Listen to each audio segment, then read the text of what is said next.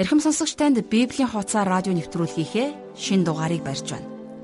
Өнөөдөр бид хамтдаа Библийг хэрхэн тайлбарладаг болон бас Библи өөрийгөө хэрхэн тайлбарладаг тухай үзэх болно. Бид урдны хичээлүүдээрээ үзсэнчлэн Библийг бол Бурхан бичүүлсэн гэдгийг мэддэг болсон шүү дээ. Хэрвээ Библийг уншсан болгон өөрийнхөө өнцгөр хараад хэрэглээд байвал хүний амьдралд асар их өөрчлөлт авчрах боломжтой энэ ном харин ч эсэргээрээ аюултай номч болж магадгүй. Олон жилийн өмнө Библийн нэг багш маань ингэж хэлсэн юм. Өглөөний шүүдрийг хэн ууснаар нь тодорхойлж болохгүй гэж. Юу вэ гэхээр өглөөний шүүдрийг зүгийн уувал бал болно, могоо уувал хор гаргана гэдэг шүү дээ. Тийм учраас Библийг хэрхэн тайлбарлаж байгаа нь маш ач холбогдолтой. Ингээд хичээл заах жаргал багшаа урьхаасаа мөн хамтдаа залбирцгаая. Бурхан минь бид таны үгийг буруу ойлгоод буруу амьдрахаасаа өмнө та өөрийн үгийг бидэнд тайлбарлаж өгөөч. Бидний зүрх сэтгэл дотор өөрийн үгийг үр мэд суулгаж, таны гайхамшигтай үйлсийг ойлгож мэдхэд минь та бидэнд туслаач. Эхнээс нь зөв суралцахын тулд Библийг зөв тайлбартаагаар уншдаг болоход минь туслаарай. Өнөөдрийн хичээлийг бид тань даатгаж байна. Амен.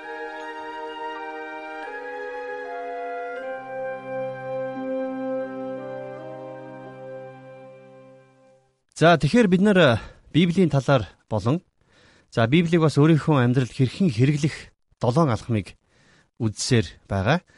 За тэгэхээр өнөөдөр бол бид нар тайлбар гэсэн сэдвээр ярилцах гэж байна. За тэгэхээр Бурхны удирдлагын дор хүмүүсээр бичигдсэн энэ ном бол а нэг талаас харах юм бол Бурхны ном а нөгөө талаас нь харах юм бол хүн төрлөختний ном байгаа юм. За тийм учраас энэ утгаараа энэ номыг зөвхөн Бурхны сүнс бидэнд ойлгож өгч чадна. Хэдийгээр бид нэр Библиэлд ирэх баримтуудыг өөрсдөө ойлгож чадах ч гэсэн хэрвээ бид нар тэнд байгаа сүнслэг үннийг ойлгоно гэх юм бол Бурхны сүнс бидний бодол санаа зүрх сэтгэлд энэ үгнүүдийг нээж ойлгож өгдөг юм. За энэ тухай бол төлөөлөгч Паул Коринт хотынд ингэж бичсэн байдаг. Харин нууц дотор байгаа бурхны мэрэгэн ухааныг бид ярьдаг.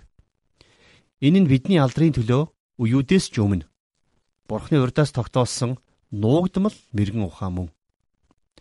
Үүнийг энэ үеийн удирдагчдаас хинэнч мэдсэнгүй. Хэрв тэд үүнийг мэдсэн байсан бол алдрын эзнийг цавдлахгүй байх байсан. Гэвч нүдэнд үзэгдээгүй, чихэн сонсогдоогүй, хүний санаанд ороогүй юмсыг бурхан өөрийг нь хайрладаг хүмүүст бэлджээ гэсэн байна.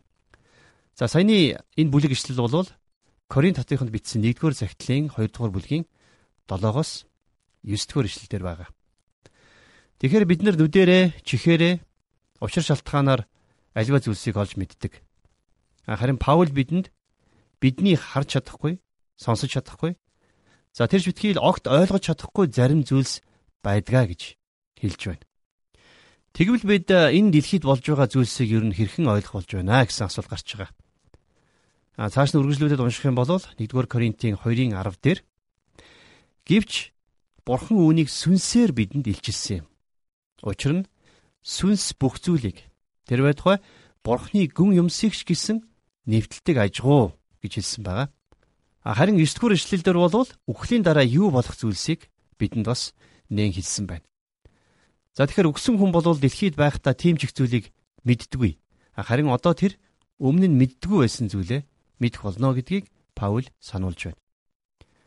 За үхлийн дараа бид нар мөнхийн улсад орно. Тэгэхээр мөнхийн улсад бид мэдлэгийг бүхэлд нь хүлээн авна гэдэг нь мадаггүй үнэн байх. А гэхдээ энэ ишлэл бол яг бас ингэж хэлээг байгаа юм.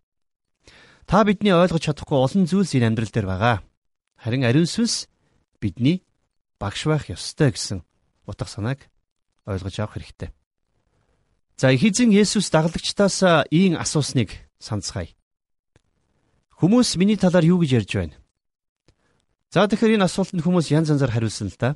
Харин одоо үед бол хүмүүс бүрч өөр өөр зүйлийг хэлэх байх. Үнэхээр Есүсийн талаар маш их олон үзэл бодол байдаг. Тэгээд Есүс дагалдагчдаас ийм асуув. Харин та нар намайг хэн гэж хэлэх вэ гэсэнд Симон Петр та бол Христ амьд бурхны хүү мөн гэв. Есүс түүнд хариуд нь Барионы Симон чи ерөөлтөө ёо. Учир нь үүнийг чамд мах цус нь биш. Харин Тэнгэр дэх миний эцэг илчилсэн юм а гэж хэлсэн үг нь за Матай сайн мэдээ номны 16 дугаар бүлгийн 15-аас 17 дугаар ишлэлдэр тэмдэглэгдэн үлдсэн байдаг. Симон Петрт үннийг илчилсэн нэг нь бол Бурхан өөрөө байсан юм. За одоо ч гэсэн Бурхан бидэнд өөрийнх нь үгийг үнэхээр ойлгоход нь тусалж чадах болно.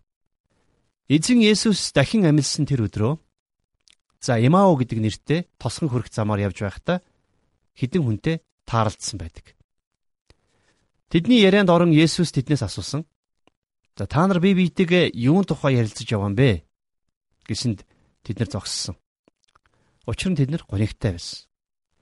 Тэдний нэг э, Клеоп гихч түүнд энэ өдрүүдэд та Иерусалимд төр байхдаа тэнд болсон явдлын тухай ганцаараа мдээгүй өнгөрсөн хэрэг үү гэхэд тэр тэдэнд ямар зүйлс гэв. Тэгтэл тэд түүнд Назарын Есүсийн тухай юм аа. Тэр бол Бурхны өмнө бүх ард олны өмнө үг болон үйлстэй хүчрхэг иш үзүүлэгч байсан юм. Түүнд манай захирагчид болон ахлах тахилч нар үхлийн ял тулгаж түүнийг цовдлсон. За тэгэхээр энэ түүхийг бид нэр Лук номын 24 дугаар бүлгээс уншиж болно. За хэрвээ та санаж байгаа бол Есүс тэрнийг урдчлан хэлж байсан.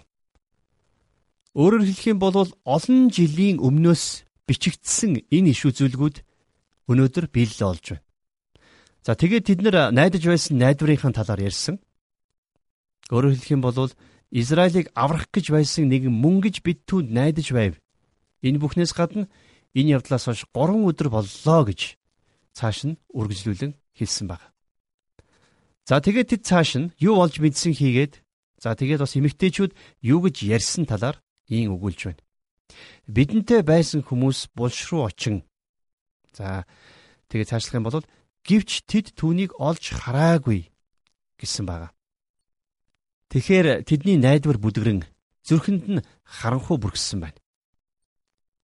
Харин одоо эзэн Есүсийн хэлсийг сонсоорой. Монхог хүмүүсээ иш үзүүлэгчдийн хэлсэн бүхэнд итгэхтэй хойрог сэтгэлнүүдээ. Христ энэ бүх зовлон идэлэн тэгээд өөрийн сүр жавхланд орох ёстой байсан биш шүү гэв.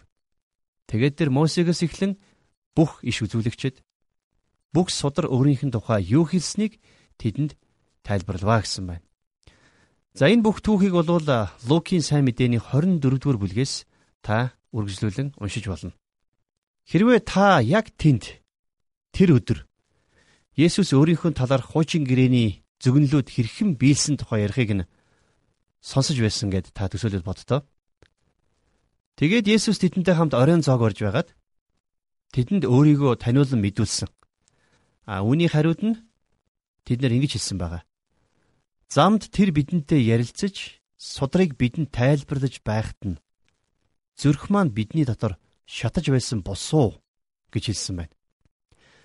Тэгэхээр бид нэр бусад номнуудаас өөр тийм нэгэн онцгой номыг судалж байгаа. За би ганцхан Библийн онгоджуулалтч биш. Бас Бурхны сүнс таны зүрхийг нээж бодиттой болохгүй л бол таны хувьд энэ бас хаалттай ном байх болно гэж хэлэх гэсэн юм.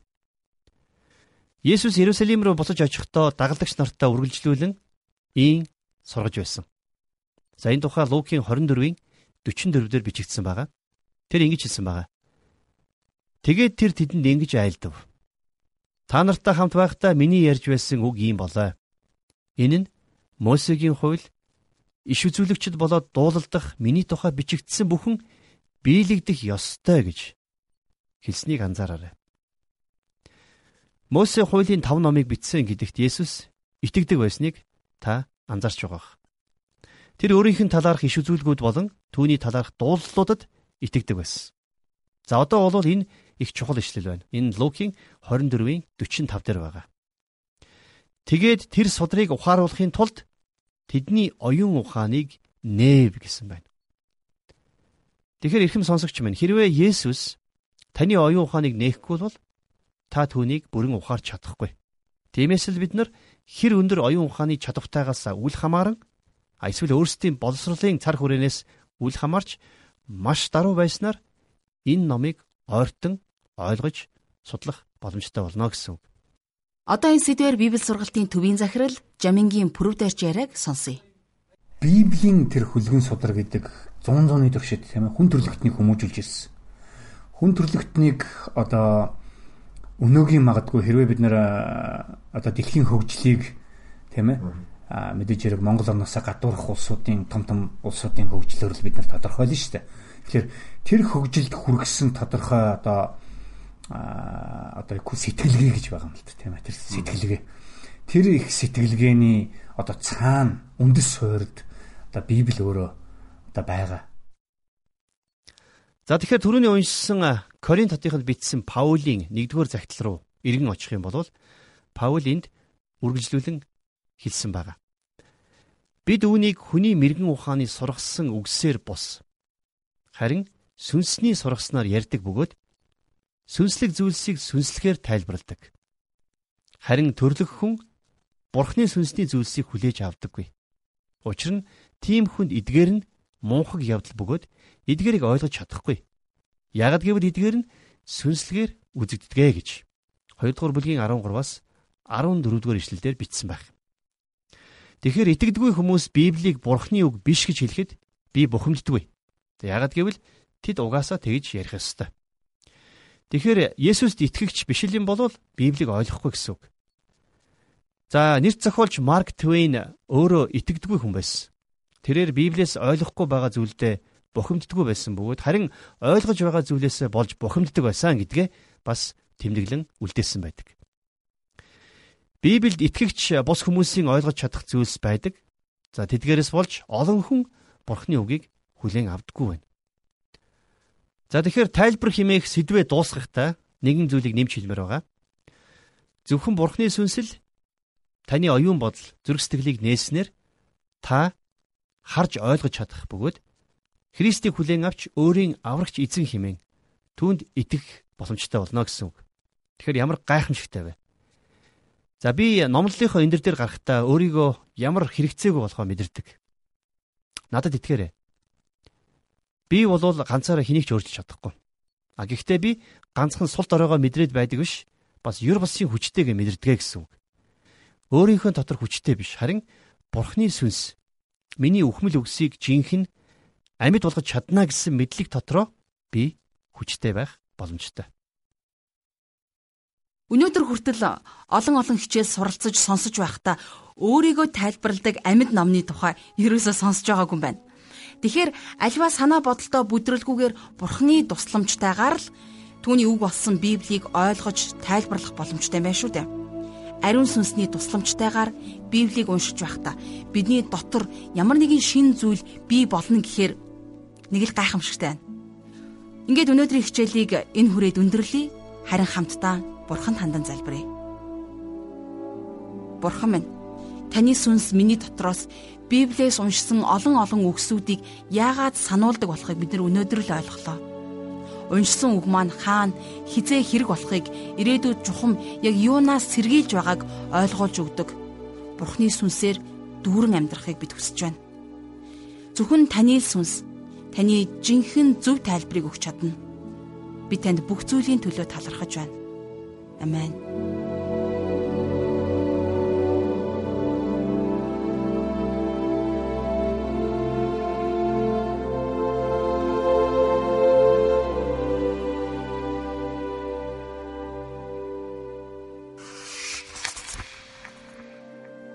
Сонсогч танд Библи ивэл төрийн бус байгууллагын захиалгад Библийн хуудасаар радио хичээл хүрлээ. Энэхүү хичээл маань даваагаас баасан гарагийн 14 цаг 5 минутаас танд хүрж болно.